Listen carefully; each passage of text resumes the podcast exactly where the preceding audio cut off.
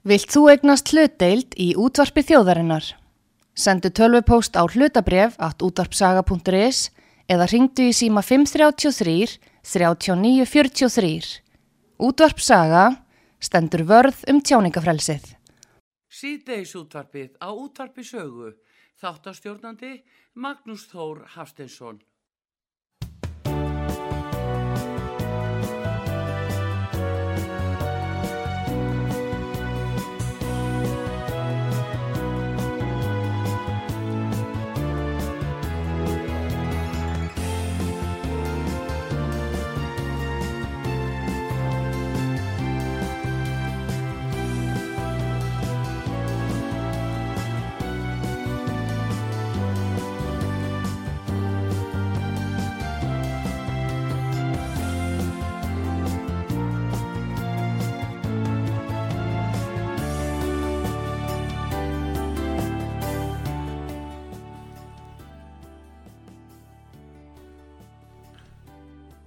Komiði sæl, ágættu hlustendur útvar sögu.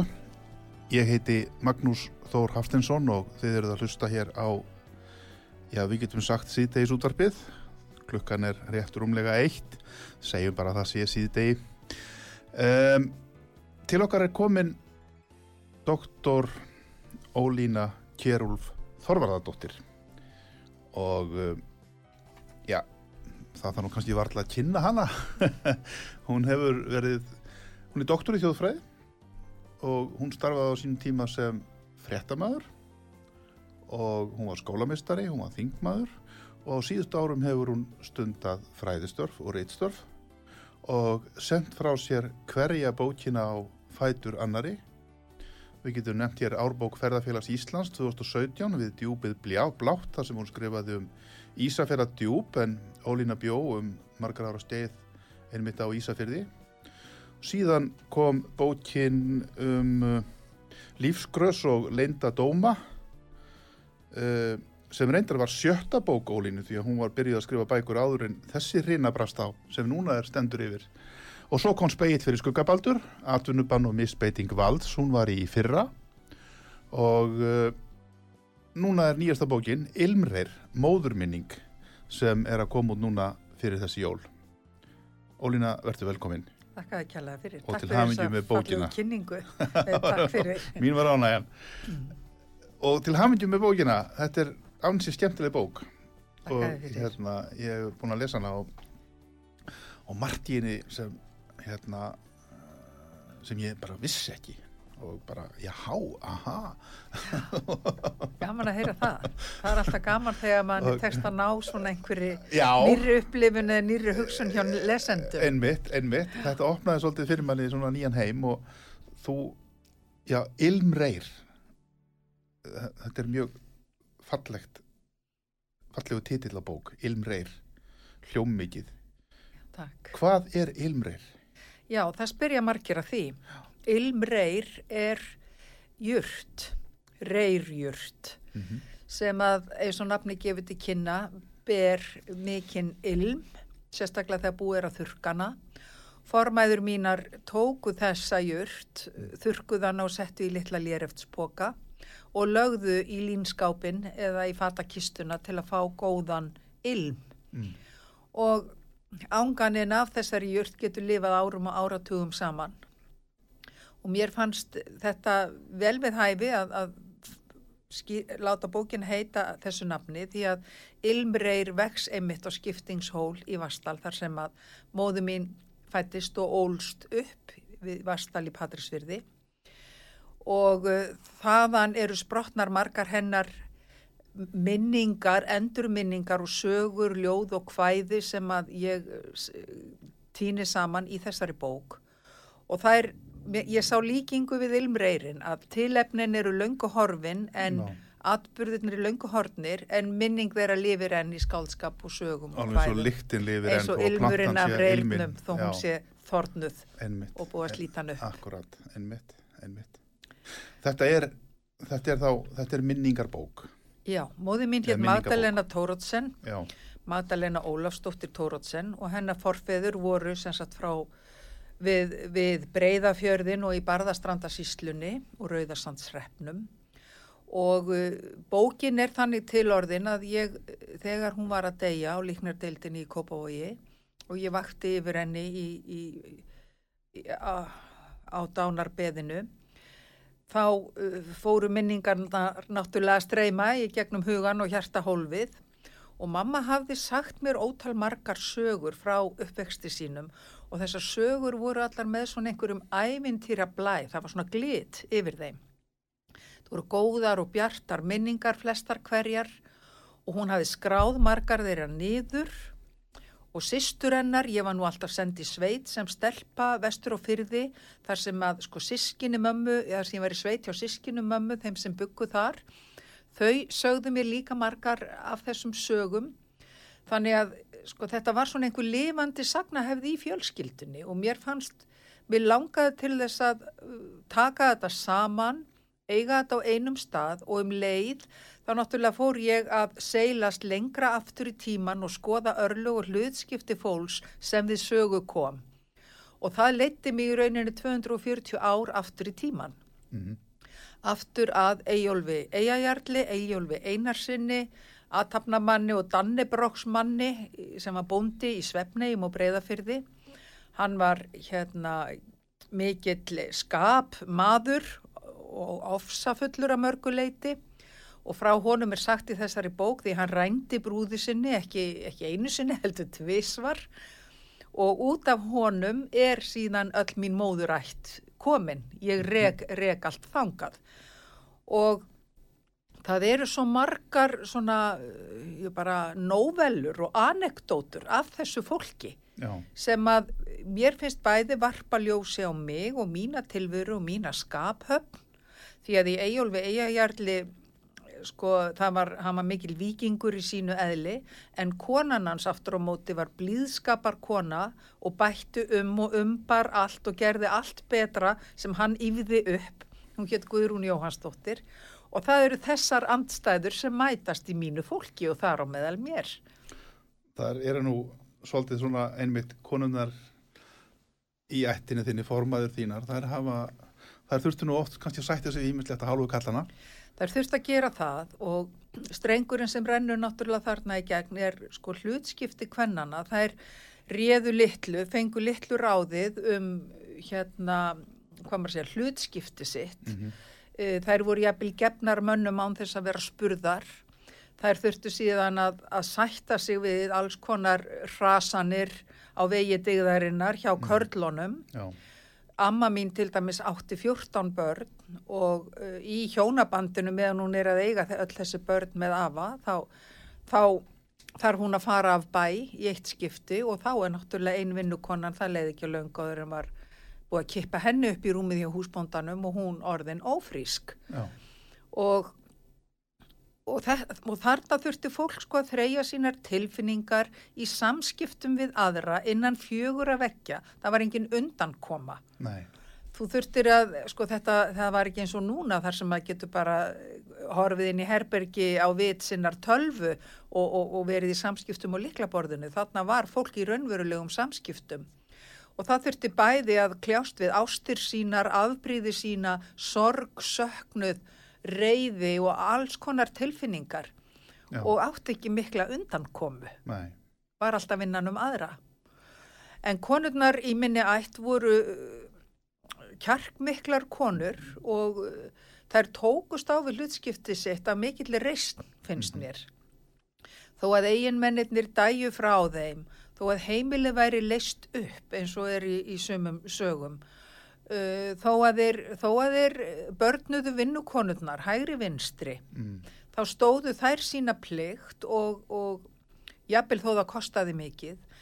Sigriður Ólafsdóttir, langama mín sem var nú batnabatn Eyjóls Eyjajarls, hún var til dæmis gefin 43 ára gömlum ekkjumanni þegar hún var bara ung kona án þess að vera spurð.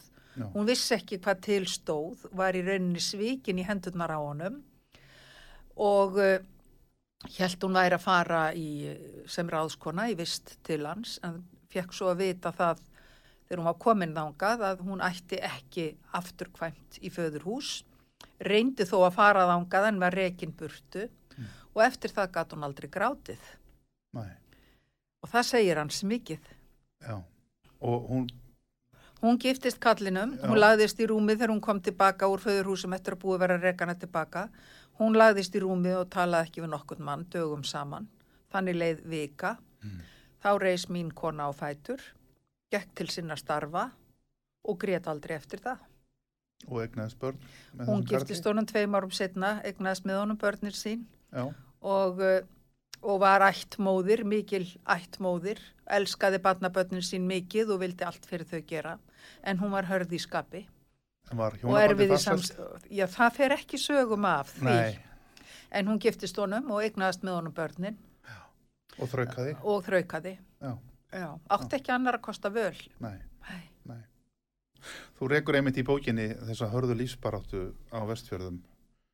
Uh, byrjar meðal annars frásögnina á Látrum. Þar er uh, elsta sýstir móðurðinnar. já, Hún er gift Þórði hún Jónssoni gift Þórði Jónssoni sem þá var uh, formaða slisavatnadeildarinnar á Látrum. og varð mjög frægur, björgunamaður. Já, uh, kannski frægar en hann kærði sig um sjálfur. Nú er það? Því hann leit aldrei svo á að hann hefði verið í neinu aðal hlutverki eða nein hetja Nei, í, þessu at, í þessu at, þessum atburði sem að kom nafni hans á loft og það var þegar tógarinn, breski tógarinn Dún strandaði við Látrabjarg 1947 einmitt. og mennirnir á látrum, látramenn uh, réðust í þá frækilegustu björgun sem að uh, eiginlega hefur átt sér stað Mm í, í sögu íslensku hérna, slisavarna deildana, björgunarsveitana og það er svolítið aðteglisvert að ég oft hugsað um það að ég var á fyrirlestri um þetta björgunarafreg hjá landsbjörgu fyrir nokkrum árum og þá var einmitt verið að velta því upp hvort að hefði verið hægt að bjarga svona giftusamlega miða við þær kröfur sem í dag eru gerðar til öryggis björgunamanna Já, já, og niðurstaðan var, svo að það er mjög ólíklegt að það hefði getað orðið. já, já. En þarna lögðu menn sig í lífshættu við að bjarga mönnum af skipsfjöl í strönduðu skipinu. Það þurfti að síga niður uh, svell, svellað látrabjargið, þrítugan hamarinn eins og, eins og sagt er. Það þurfti að skjóta línu út í skipið í kolveitlusu veðri. Menn stóðu undir það hrundi klaka hrönglið úr bjarginu, fjall í höfuðuð á einum björgunamanninum sem að í rauninni náði sér aldrei eftir það. Svo þurfti að, að draga mennina þegar maður búið að ná þeim í land. Þá þurfti að hafa hraðar hendur vegna þess að sjórin fellur í berg og það þurfti að ná þeim áður en fjalli að Mm. og þeir, þeir eru sagt, dregnir upp klettaveggin og, og komast upp á, á sillu í miðjubjargin og þar þurfa þeir að fyrirberast að því það er komið myrkur og býða næsta dags. Já. og björgunamennir þurfa að koma sér fyrir á sillunum fyrir utan skipbrótsmennina svo þeir falli ekki fram af. Mhm. og það varði engum svefn samt þessa nótt. Og síðan koma konurnar úr sveitinni, þær koma daginn eftir með vistir á hestum og það eru sett upp tjöld. Og sko þetta tók á þriðja sólaring þessi björgun en hún tókst. Og allir lifðu af og björgunamönnum varð fáum verulega meint af að undanskildu þessu atviki með mannin sem fekk, fekk klaka kökkulinn í höfuðið. já. Og þetta, það lýsir kannski best hugarfari manna í þessu að þegar þeir koma saman um kvöldi þeir frétta af, af strandinu, koma saman heima í stofunni hjá Þórði og eru að ræða það hvernig við skuli brúðist og hvernig þeim muni takast að, að gera þetta, þá segir einhver en þið gerið eitthvað grein fyrir því kæru sveitungar að það er ekki víst að við komum allir aftur. Mm og það var þögn í stofunni og svo segir Þórður við förum nú samt. Já. og þá þurfti ekki að ræða það meira þeir fóru og það sem er réði úrslitum auðvitað við að þetta tókst svona vel var það líka menn þekktu látrabjargið eins og lóan á sér. Vissu nákvæmlega hver þeir máttu stíga niður og hvernig þeir gáttu forðast hrunið úr bjarginu og annað. Því um líkt En þessi saga, hún lifir náttúrulega í fjölskyldunni og þegar ég fyrir sveit að látrum sem lítil stelpa, þá heyri ég þessa sögu, þessar frásagnir. Ég heyri, sko það eru mennirnir sem sjálfur komið að verkinu sem að rifja þetta upp á góðum stundum yfir rjúkandi heitu kaffi og, og ræða framgöngu annara sveitunga sinna og þar fram eftir göttum. Þannig að ég bara- Ég var nefnilega í sveit hjá Já, Þórði og já, já, Sigriði. Dittu Frænku og Þórði. Þannig að Þú, já, þú heyrir þetta beint það Já, en þegar Þórður var síðan heiðraður fyrir þetta björgunarafreka þá tók hann þann auðvitað skýrt fram að hann tæki við þeirri viðurkenningu fyrir hönd hinna því að honum var eiginlega ekkert um það hvað var látið mikið með hann í þessu máli. En Nei. Þeir enda sko þarna kom líka svo mikill samhugur fram í öllum sem að byggu þarna á svæðinu og það komu menn frá Patrísfyrði líka og víðarað úr Örlugshöfn og víðarað til að aðstóða við þessa björgun og þarna saminuðust í, einum, í einni aðgerð karlmennska og kærleikur. Mhm. Tvö hugtök sem að mætti nýta betur stundum saman. Já. Um, afið þinn og amma, þarna er sagt, móður sýstir þín, elsta sýstir móður þinnar, hún býr að látrum og Hún er, býr á látrum, er gift þórði, Já, en foreldra hennar, afi hennar og amma, þau, afið þín og amma, það eru afi minn og amma. afi, já, já, já, já, þau búa í Vastal. Í Vastal í Rauðarsandsreppi. Ólafur? Einarsson Tórótsen hétt hann og Ólína Andrisdóttir hétt hún. Mhm. Þau voru nú skildari en ættbækur segja frá því að e, móðir Ólínu, ömmu minnar, Jóna, hún var í raun og veru laundóttir Jóns Tórótsen sem var, afa, var föðurbróðir e, Ólafs afa míns. Þannig að þau voru í rauninni þreminningar. En það máttu nú ekki segja frá því og konurna brúðu nú stundum á það ráð þegar er vissu betur, eða þeir var verið að eiginlega neyða þær til þess að feðra börnin öðrum mönnum að þá skýrðu þær oft börnin Mhm. eftir hinnum rétta föður og þannig heitir Jóna langama mín, hún heitir Jóna í höfuð á Jóni Tórótsen alveg eins og önnur kona í ættinni sem var laundóttir Klásens gamla kaupmanns, hún hétt Klásína. Þetta var nú leið kvennana til þess að segja söguna eins og hún var. E, og þau, e, afi verður ástfangin af ólínu ömmu minni eiginlega þegar hún er bara fermingarstúlka. Hann er, er 7-8 árum eldri en hún. Þá sér hann hana í, í Saulugstallskirkju, hún var alin upp hjá sér að Þorvaldi Jakobsinni og konu hans Magdalenu Jónasdóttur því að fadir hennar dó ungur frá uh, konu og mörgum börnum og, og Ólína amma mín var þá tekin í fóstur af sér að Þorvaldi Jakobsinni sem er afi Vigdísar Fimboadóttur, forsetta vors fyrverandi og uh, Ólafur sér hana tilsýndar, hann, hann var búin að, hann hafði dreymt hana. Og hann sér hana þegar hún er 13 ára gömul á fermingadaginn hennar og áttar sig á því að þetta er konuefnið hans. Og þetta væri nú kannski svolítið óhuguleg saga nú á dögum ef ekki væri fyrir það að hann beigð, hann hafði sér ekkert í frammi við hana. Hann beigð rólegur í fimm ár já. en þá hittust þau á Patrísfyrði þegar hún er þar í, í ferð einhverja erinda og er að leita sér að bátsfari yfir fjörðin, yfir í Vastal. Þá kemur hann til hennar, hann var kallaður Ólafur Fagri, hann þótti svo myndalegur, stúlkurnar fengu í hnén um allar sveitir við að sjá hann. Þá kemur hann til hennar með, með glampa í auga og býður henni siglingu yfir fjörðin. Og uh, hann hlær upp í ölduna og, og, og, og vindur upp segl og, og keirir bátinn djarflega áfram en lendir ekki í kvíindistað, ekki í Saulugstall eins og tilstóð, heldur í Vastal og segir að það sé ólendandi í Saulugstall, þannig að hún neyðist til að gista. Og þá sest hann á rúmstokkin hjá henn og byrjar að byggja hennar um kvöldið og hann bónorðið stendur alla nóttina. Og ég held hún hafi bara gefist upp fyrir honum sveimir þá.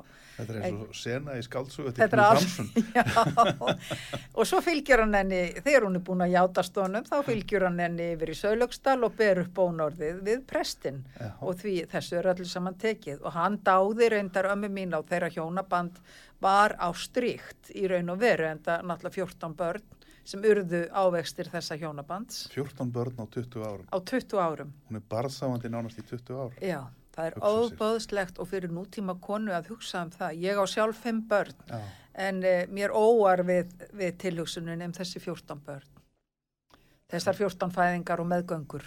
En hefur- allt komst þetta á legg. allt komst á legg. Allt var þetta dugandi fólk og Já. öll fenguðu einhverja mentun. Afi og, og amma lögðu mikið upp úr því að þau lærðu öll eitthvað sem yrði þeim að gagni Já. og það gekk eftir.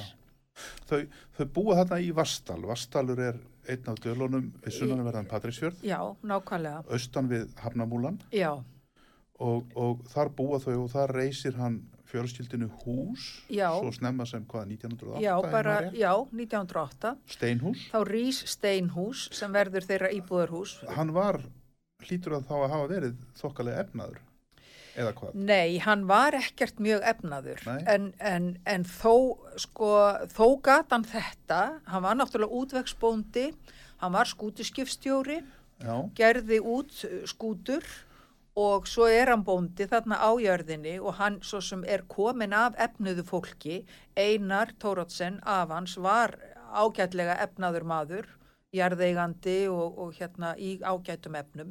Þannig að hann hefði vita bjó að því.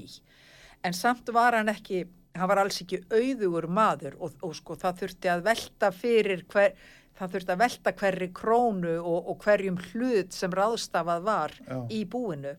En þó tókst honum að koma upp þessu íbúðarhúsi sem að var nú glæsilegt hús auðvitað á þess tíma mælikvarða já, þó það sé orðið heldur lotlegt í dag þess að það stendur eitt og niður nýtt í, í miðjum vastalnum. það sést nú vel. Ég, ég En það sést ennþá, það er vel uppi mér og standandi. Hérna, Já, já. þegar ég var á skaki þarna fyrir nokkrum árum Já, og, og þetta er, þetta er þokkalega reysulegt hús. Já, já.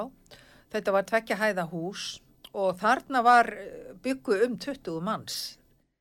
Þarna var bæði vinnufólk og heimilisfólkið og börnin öll börnin. og alltaf húsrúm, alltaf húsrúm fyrir einni viðbót. Já. Þegar ungur piltur að nafni Óskar Markusson kemur úr heldur döflegri vist utar í fyrðinum og hafði nú mist foreldra sína og, og rakist á milli heimila má segja.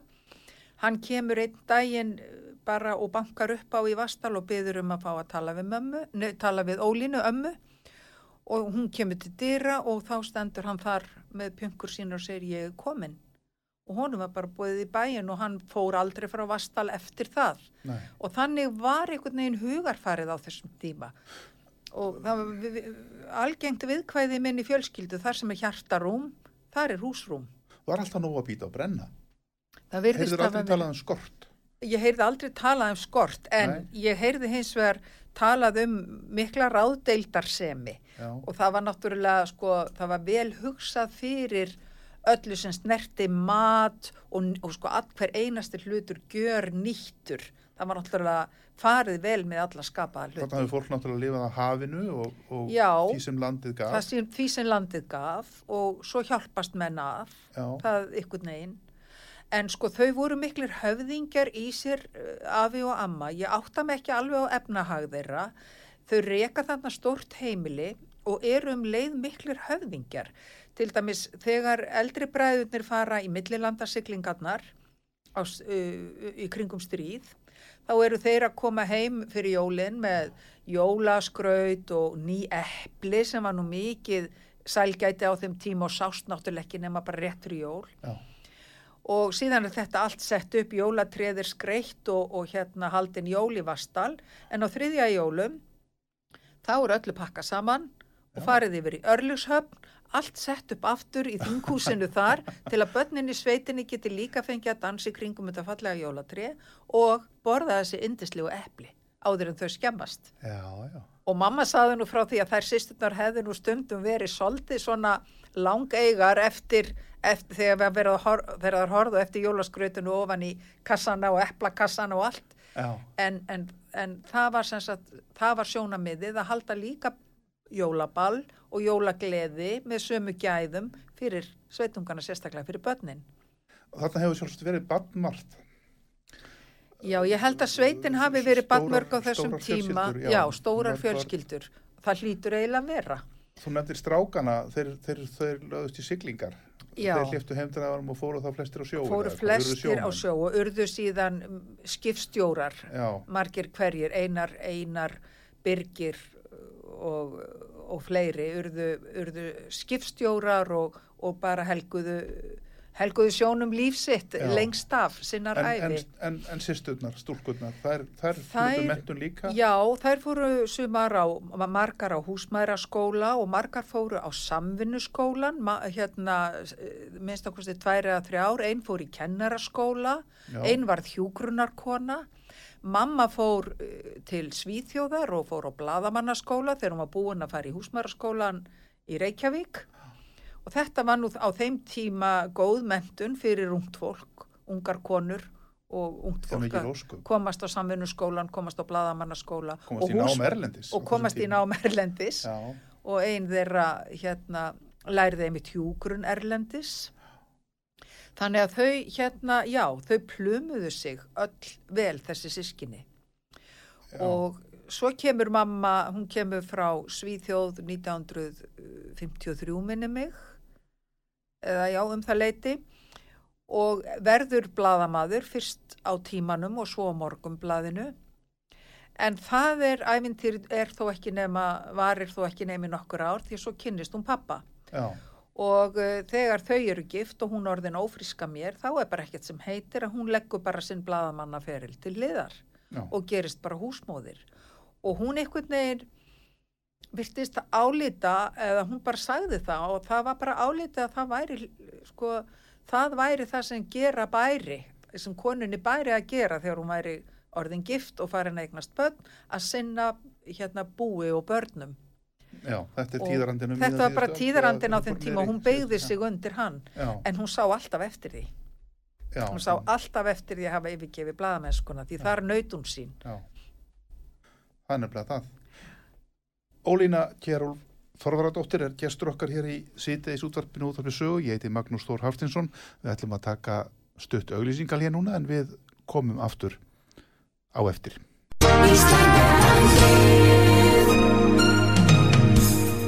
Styrtareikningur útvarpsögu í Íslandsbanka á Granda. Útubú 513, höfubók 26, reikningur 2.11.11. Nánari upplýsingar á útvarpsaga.is. Takk fyrir stöðningin.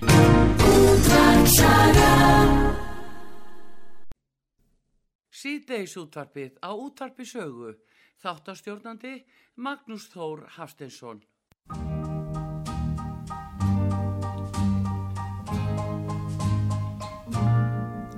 er völlur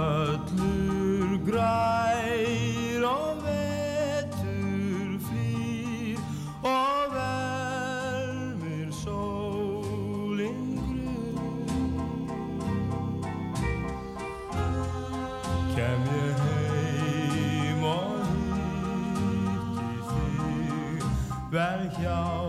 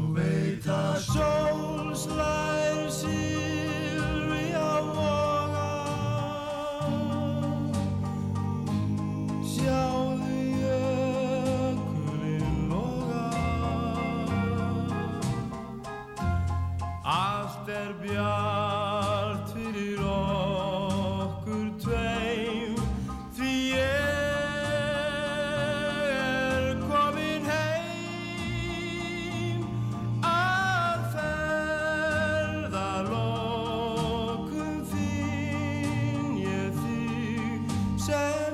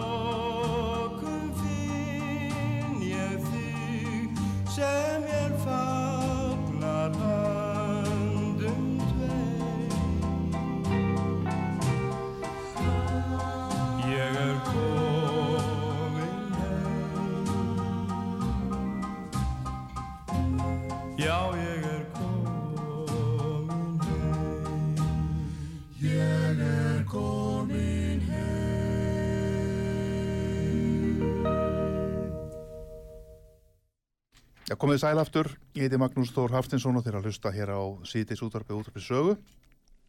Hjá okkur er eh, doktor Ólína Kjærólf Þorðaradóttir sem var að senda frá sér bókina Ilmreir, móðurminning. Uh, við vorum að hlusta hér á lægið, er það ekki bara kallað Ég er komin heim eða heimkoma? Já, heimkoma, eða já, ferðalok. Eh, ferðalok, já. Óðinn Valdimarsson söng. Já. Ólína, þetta var óskalægi á þér, hvers vegna? Já, það er þannig að ég á vinkonu sem heitir Margrét og við höldum báðar mikið upp á þetta lag og erum báðar mjög heitlaðar að því sko fyrir mörgum árum, löngu áður en það varð svona vinsælt Já, eins og það er í dag. Og þá hérna var nú verið að stríða okkur með því sko að, að, að hvað við syngjum þetta oft og títt og við, það leittist út í það að við skoruðum hver á aðra að í hvert skipti sem við heyrðum þetta lag í útvarpinu þá ringdi svo sem heyrði lagið í hina og þá var skilda að kveikja útvarpinu og syngja lagið saman. Fyrst gerðum við þetta nú bara okkur til ánægju en svo var þetta svona áskorun hvort að við þyrðum að gera þetta hvernig sem á stæði.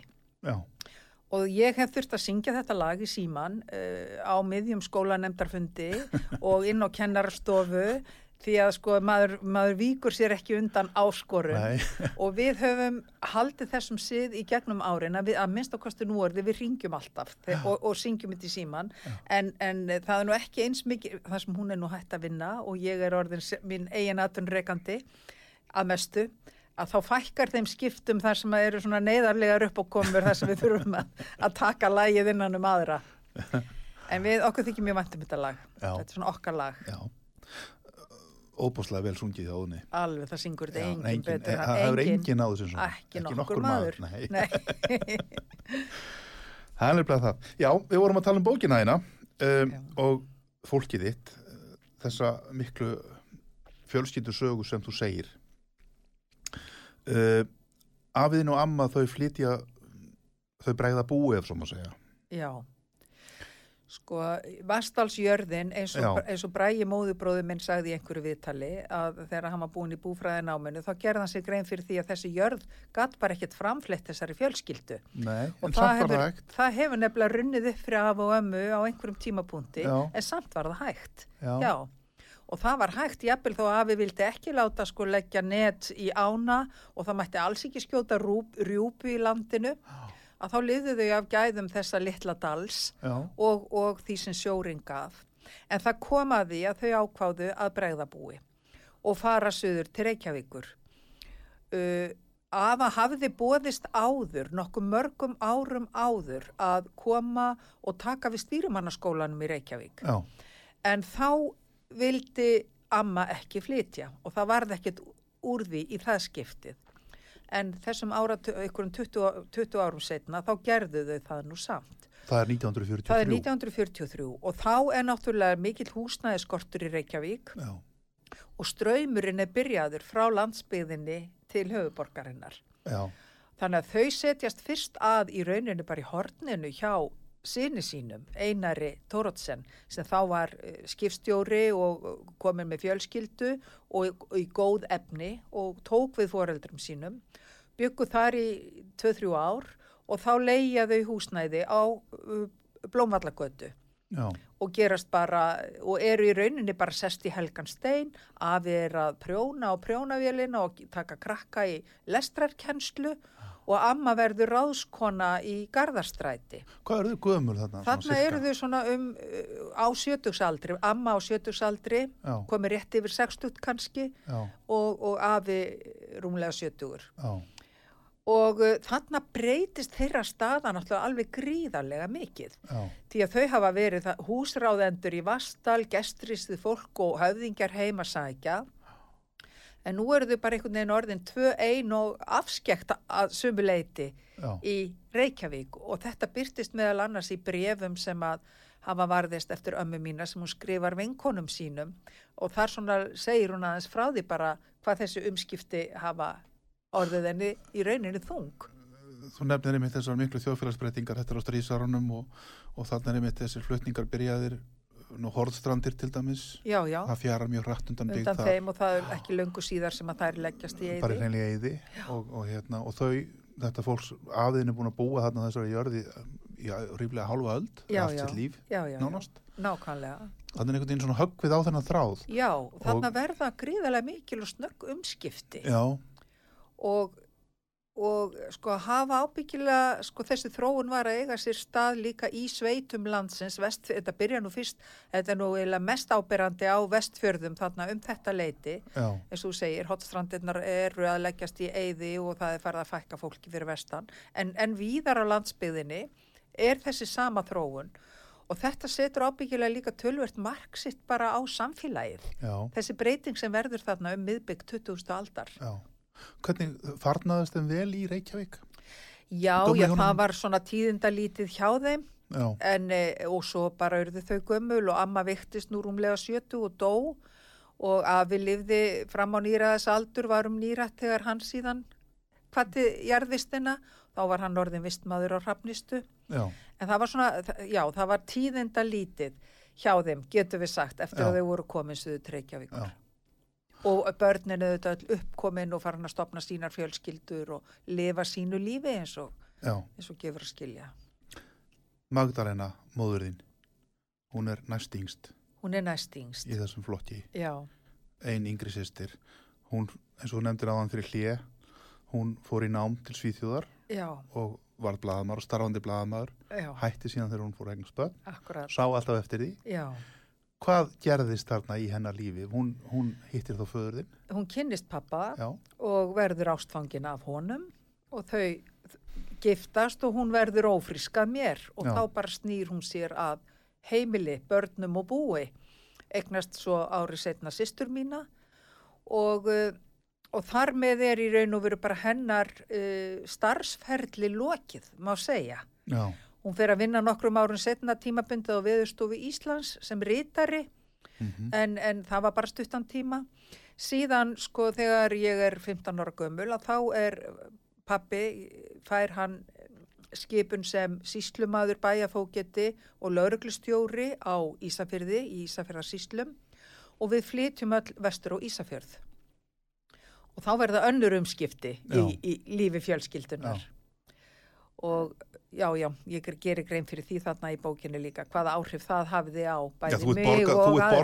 sem fer vestur og þegar þið sýsturnar Já, ekki satt? ég meina Þið- ég, við förum bara frá okkar vinum og úr okkar skóla og okkar umhverfi, vestur og Ísafjörð. Ég að vísu var eitt ár á Núbi í middeltíðinni því að mig, ég hafði nú verið hjá svöfu móðusystu minni, minni á Núbi á sumrin já, og mér langaði alltaf til að fara í heimavastaskólan mm og uh, fekk að fara þennan vetur sem fjölskyldan flyttu til Ísafjörðar þannig að það var svona eitt millibils ár hjá mér.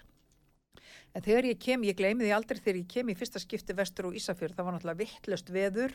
Þetta var harðasti vetur í manna minnum og uh, mér fannst alltaf vera skafreiningur og ég sá svona grilla í einhverja manneskjur í gegnum snjókomuna karlmenn í gæru úlpum og konur með höfuðskuplur að skjótast á milli húsa og mér leið bara eins og ég væri geimvera þarna, mér leið, ég fann bara enga tengingu við Nei. staðinn lengi vel. En svo breytist það auðvitað þegar fram í sótti. Ég var náttúrulega bara unglingur já og að koma úr allt öðru og þurfti náttúrulega bara að fóta mig á nýjum stað. mm. Það tók sinn tíma. Nú svo náttúrulega gerði það mér kannski ekki auðveldara fyrir að fljótlega eftir ég kem vestur þá kynnist ég strák og ég verð bara ólétt eftir hann. Já. og ég er bara 16 ára gömul. Mm og þá var ég nú byrjuð að vinna í fiski og, og búin að leggja öll mentunar áform til hliðar, hafði unnið verið í fjórðabekki í gagfræðaskóla og vann alltaf í fiski með skólanum og var orðin svo sjálfstæða að mér fannst að ég legði mig bara herbergi í fjárðastrætinu 16 ára gömul og taldi mig bara vera orðin fullþroska konu sem ég sjálfsögðu var ekki og verði ólétt við þessar aðstæður eins og gefur að skilja, engin, ekkert aðhald og ekkert, Nei, engin til að passa mig. Pappa og mamma náttúrulega búin að gefast bara upp á því, þau sá að það þýtti ekkert að tjónka við mig. En e, þegar ég átta mig á því að ég er ófrísk, þá til allrar hamingju tók ég ákvörðun um það. Í fyrsta lagi að þykja ekki fóstureyðinguna sem mér var bóðinn og í öðru lagi að fara heim í hrannagötu til pappa og mömmu og segja þeim hvernig komið var. Og þá opnuðu þau faða minn og ég flutti aftur heim og ég var sem sagt í foreldrahúsum þegar sonur minn fættist þegar ég var nýjórðun 17 ára gömul, sama ár og ég byrjaði í mentaskólanum Já. Þá um haustið og ég hefði náttúrulega aldrei byrjað í mentaskóla ef, ég, ef hef, þessi röskun hefði ekki orðið á mínum högum. Þetta var svona e, sparkið sem ég þurfti að fá til að Já. átta mig á því bara hvert ég vildi að mitt líf stemdi. Mm Því að barsfæðurinn kvarf auðvita fljótlega uh, úr, út úr mínu lífi og þá þurfti ég náttúrulega bara að gera það uppi mig hvað ætlaði ég að gera við mitt líf. Svo ég byrjaði í mentaskólanum Þá byrjaði það í mentaskólanum, já. Og klára hann á réttum tíma og fer svo í háskóla og, og, og, og, og hjælt minni göngu áfram og hafði barnið hjá mér en náttúrulega undir verndar væng foreldra minna fyrstu árin. Já, og svo kynnist ég nú manninu mínum 19 ára gömul í, í mentaskólanum á Ísafyrði og við, við bindum okkar, rugglum okkar reytum saman og höfum stíið ölduna saman eftir það og eigið fjögur börn. og eigum saman. fimm börn, Fimm, já, sem já. sagt fjögur börn til viðbútar, en sko Dotti var náttúrulega svo lítill þegar Siggi kemur inn í fjölskylduna maðurinn minn, Já, að hann er auðvitað faðir hans, já, já, já, þannig við tölum alltaf um þau sem okkar börn. einmitt. En uh, samlíf fóreldræðina, það, það var nú svona galt stundu verið erfitt. Þú nefnir það aðeins. Já, já, það gætt gengið á ýmsu í þeirra hjónabandi, sko, mamma verður nú fyrir því áfalli þegar hún er uh, komin nokkra mánuð á leið með mig, að hún áttar sig á því að það er önnur kona líka ófrísk eftir pappa. Já, Sko pappi hafði verið giftur áður og átti fimm börn með sinni konu. Þau skildu og í millibils ástandin þá fyrir hann að búa með annari konu. já, Og uh, þeirra sambandi líkur en, og, þeirra, og, og pappi og mamma kynnast og, og hefja sí- sína göngu saman. En þá hafði það bara gerst að hún hafði orðið barsamandi þessi kona. já, já, Ég, við vissum ekkert um það barn uh, og svo þegar ég er 12 ára gömul þá kynnist ég mjög skemmtilegri stelpu sem að ég, við förum að leika okkur saman á Klambratúninu og, og hérna, eh, ég er að verða 12 ára og í afmælinu mínu þá um haustið, þá býði henni auðvitað í afmæli mitt. já, Þá eru papp og mamma sagt, bæði auðvitað í afmælisveislunni og þá kemur í ljós hverskins er að hún þekkir pappa og pappi þekkir hana já, og þá í raun og veru kemur það í ljós, rennur það upp bæði fyrir mér og mömmu já að hún, þetta barn er til staðar. hún vissi ekki af þessu. Hún vissi ekki af því. Og þetta auðvitað gerði hjúskapnum erfitt fyrir um tíma. Já, Þó ég hafi nú ekki fleiri orðum það að sinni en ég, ég fjalla aðeins betur um það í bókinni. einmitt, einmitt. Já, já, við mögum ekki segja ómikið. Nei. Við erum að skilja sko, eitthvað eftir enda lesendunum. en foreldra mínir eh, voru, það voru margar góðar, ég, sko, það, þetta voru tímabundnir erfileikar. Ég á foreldrum mínu mjög mikið að þakka. Ég, bjóst, ég sko, bjófið alltaf öryggi og ástríki af þeirra hálfu. Já, Og pappi var til dæmis, hann var mjög blíður og indislegu maður. Hann var djúbvitur, myndi ég segja, hann var heimsbyggingur í sér. Mhm, og ég hef nú oft, uh, sko, ég met fólk svolítið eftir því hvernig það kemur fram við börn og Mm. dýr. mm, Og pappi kom mjög vel fram við börn og hann átti alveg einstökum samskiptum við hestana sína. Já, og skildi oft dýr bara einhverjum ótrúlegum skilningi. Já, og kendi mér margt í hestamennsku sem að var svona eh, bar vott um hans lífsbeki. Mm. Eitt af því sem hann sagði til dæmis alltaf þegar við vorum að ræða hugtækið vald eftir að hann var um síslumadur. Þá sagði hann, það er best farið með valdið þegar maður þarf ekki að nota það. Já, Alveg eins og þegar maður tekur ungan og setur hann í lófan. Þú hefur alltaf vald til að kremja hann til já, döðs, Já, en viltu nota það vald? er eitthvað vel farið með það vald og mér fannst þetta, sko, það var margt svona sem hann í, í rauninni kendi mér bæði með breytni og orðum. Og að ferðast í bíl með papp og mömmu var náttúrulega algjör háskóla, algjört háskóla nám því að þá ultu náttúrulega bara Íslendingasögurnar og styrlunga upp úr honum. Og mamma kunni náttúrulega allt sem ort hafði verið á íslensku þannig að allar, öll bókmentasagan kom upp úr henni. Og svo satt maður bara í aftursætinu og tók á móti og, og, og þrútnaði út af spekinni frá þeim sem rann upp úr þeim. Þannig að þú hefur fræða áhugaðan svona kannski frá þeim báðum. Ég myndi halda það, já. Já, Og þau voru mjög vel samstilt að þessu leiti, sko, hérna, og það var gaman að verða vitni að samtölum þeirra. Maður lærði mikið af því að hlusta á því að tala saman. móðurinn Þau- var mikill hagurðingur Og, mamma þú var mjög skáldmælt, hún var mjög skáldmælt og orti margt, sko, sem ég myndi segja væri ekki bara hagmælska, heldur skáldskapur. Já, Og, uh, og pappi var reynda mjög listrætt líka, hann Já. málaði myndir þó að hann passaði náttúrulega ekkert upp á þær og þær fundust bara ofan í kjöllurum og eitthvað staðar eftir hann var dáinn en hann málaði mjög fallega myndir já, og ég heyrði hann meiri sér einu sinni spila á píanó og þá, þá var ég orðin 14 ára gömul og hafði aldrei heyrt hann snerta hljóðfæri en hann spilaði mjög vel á píanó. Þannig að hann fór svona, hann flíkaði ekkert sínum hæfileikum og kannski ræktaði þá ekki heldur. Hvað var hann gamall þegar hann kynnist móðuðinni? Hvað, hvað hann er, orðin, hann er orðin komin yfir færtug þegar, þau, þegar þau kynnast. Og á að baki eins og ég segi þarna annað hjónaband. Já, og, en hann er bara 66 ára gamall þegar hann deyr. Já, verður bráðkvættur upp í Grafadal í, í, Kollafyrði og þá var ég 25 ára gömul. Já, já já og mamma lifði síðan í ekki dómi til dauðadags. Hún dó 93 ára gömul fyrir þremur árum og, ald, og tók aldrei saman við annan mann. Nei. Þá, þau, þau fluttu söður, þau eru flutt söður, Já, þau flytja söður, uh, pappi hættir sem síslumaður 1983, hættir í mæ um vorið, já, en verður bráðkvættur í ágúst þá um haustið, síðsumars. nú það var þannig, Að, að, já, já. já, Og hans síðasta embættisverk fyrir vestan liggum við við að segja, það var að gifta okkur dætur sínar. Það var sem sagt borgaralegt brúðkaup í, í stofunni heima í Hrannagötu og hann í uniformi og gift okkur dætur sínar. Tengdasonum sem hann kunni mjög vel við. Sýstir þín, hún, uh, Sýsti mín Halldóra Jóhanna Þorvaradóttir, hún er sóknaprestur í, í Felsmúla prestakalli og prófastur í, í hvað heitir prófastæmi, Suður prófastæmi held ég það heiti. já, Hún gekk þá götuna mhm, en ég, ég fór á aðra slóðir. þú hefur aldrei getað hugsað þér að fara þessa leið líka eða? Ekki guðfræði, ég Nei. aftur á móti sko hef áhuga á guðfræði og ég Já. hef áhuga á trúa, trúabrögðum.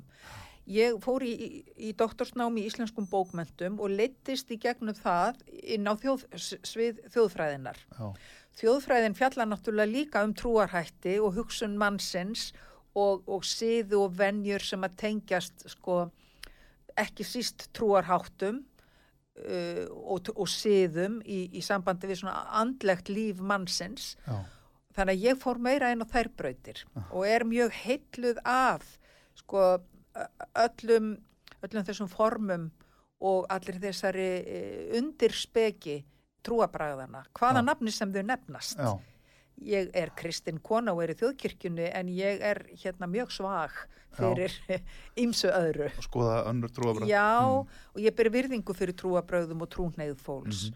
Mér, ég, ég, ég vil ekki ruggla því saman við það hvað sko, menn hafa gert í mannkinsögunni í nafni trúarbræða. Því það Nei. er pólitík og það eru valda átök og það hefur í raun og verið ekkert að gera með trúna sjálfa. Nei, það er yfirleitt afleðing á því þegar menn fara að blanda saman Já. stjórnmálum og trúabröðum Akkúrat. sem er mjög eitruð blanda. Og fara að reyna að komast yfir sálir fólks Já. með ykkur bylli. Um, svona rétt í lokinn, tím okkar fenn og bráðum að vera á þrótum. Þú hérna rekur aðeins þennan stóra sískinahóp í bókinni, 14 sískinni, já. Sískinni móðu minnar. Já, Já. já. Eh, Hefur einhver tekið saman hversu margir afkomendur eru eftir þau hjón? Já, sko, þeim fjölgar ört og er enn að fjölga náttúrulega. Nei, uh, ég hef ekki trist mér til að telja það allt saman. Þetta voru 14 börn og þau áttu urðu flest barn mörg sjálf. Tvö sískinni reyndar í hópnum eignuðust aldrei börn en hinn voru þeimun að tapna meiri á Já. því sviði áttu alveg fjögur og fimm börn Já, og sem að hafa síðan átt uh, fjölmörg börn þannig að Já. þetta farið að skipta hundruðum myndi ég halda já, afkomendurnir já, já, einmitt. Já, þetta er magnað. og það er fljótt að gerast sko því að bara ég sjálf, svo ég takki mig sem dæmi, ég á fimm börn og nú er 11. barnabarni mitt á leiðinni Já, þannig að þú sér að þetta er mikill veldisvöxtur ef, að- ef að það sama gildir svo um alla hina já, já, heldur betur, heldur betur. En það er gaman að, hérna eins og segi, gaman að hérna lesa þessa bók og, og skoða hana og, og mikið að myndum mín líka og myndum af þessu fólki. Já, og Og það er nú hérna, fátt skemmtilegra finnst nú- mér en að skoða svart hvítar myndir frá gömlum tíma. Já, þetta er myndar fólk og, og lítur vel út, hraust, hraust, hraust fólk og hérna hefur eflust ekki veitt af og eins og við nefndum á þann að öll þessi börn komust upp sem er nú bara afreg út af fyrir sig. Það var afreg, finnst mér, út af fyrir sig. Þetta er fyrir daga allra nútíma þægind. Algjörlega. þú- Og mér finnst líka merkilegt að huglega það sko hvað mikið hefur breyst bara á minni æfi. Já, Í raun og veru gerðist færra frá sko upphafi 18, 19. aldar fram til miðrar 20. aldar. Já. Þá gerðist minna í, í þróun uh, samfélagsins heldur en hefur síðan gerst bara eftir að við já, fættumst. já, Og það er svolítið einkennlegt að hugsa til þess þegar ég fyrir sveit að látrum fimm ára gömul, þá er ekkert rafmagn, það er kóla eldavél, það er náðhús fyrir utan húsið, það er Já. ekki, ekki vassalerni, bara ein dráttarvél og hana eiga allir bændunir í sveitinni saman já, og það, sko, því líka stórstiga breytingar hafa orðið bara á einni manns æfi. Já. Það er eiginlega alveg ótrúlegt að hugsa til þess það er það. og að amma mín og afi skildu koma upp þessum stóra sískinahópi fyrir daga allra nútíma þæginda, það Já. er alveg það er, já, aðdánarvert í litlum Dal dal, vestur og fjörðum það er nefnilega það.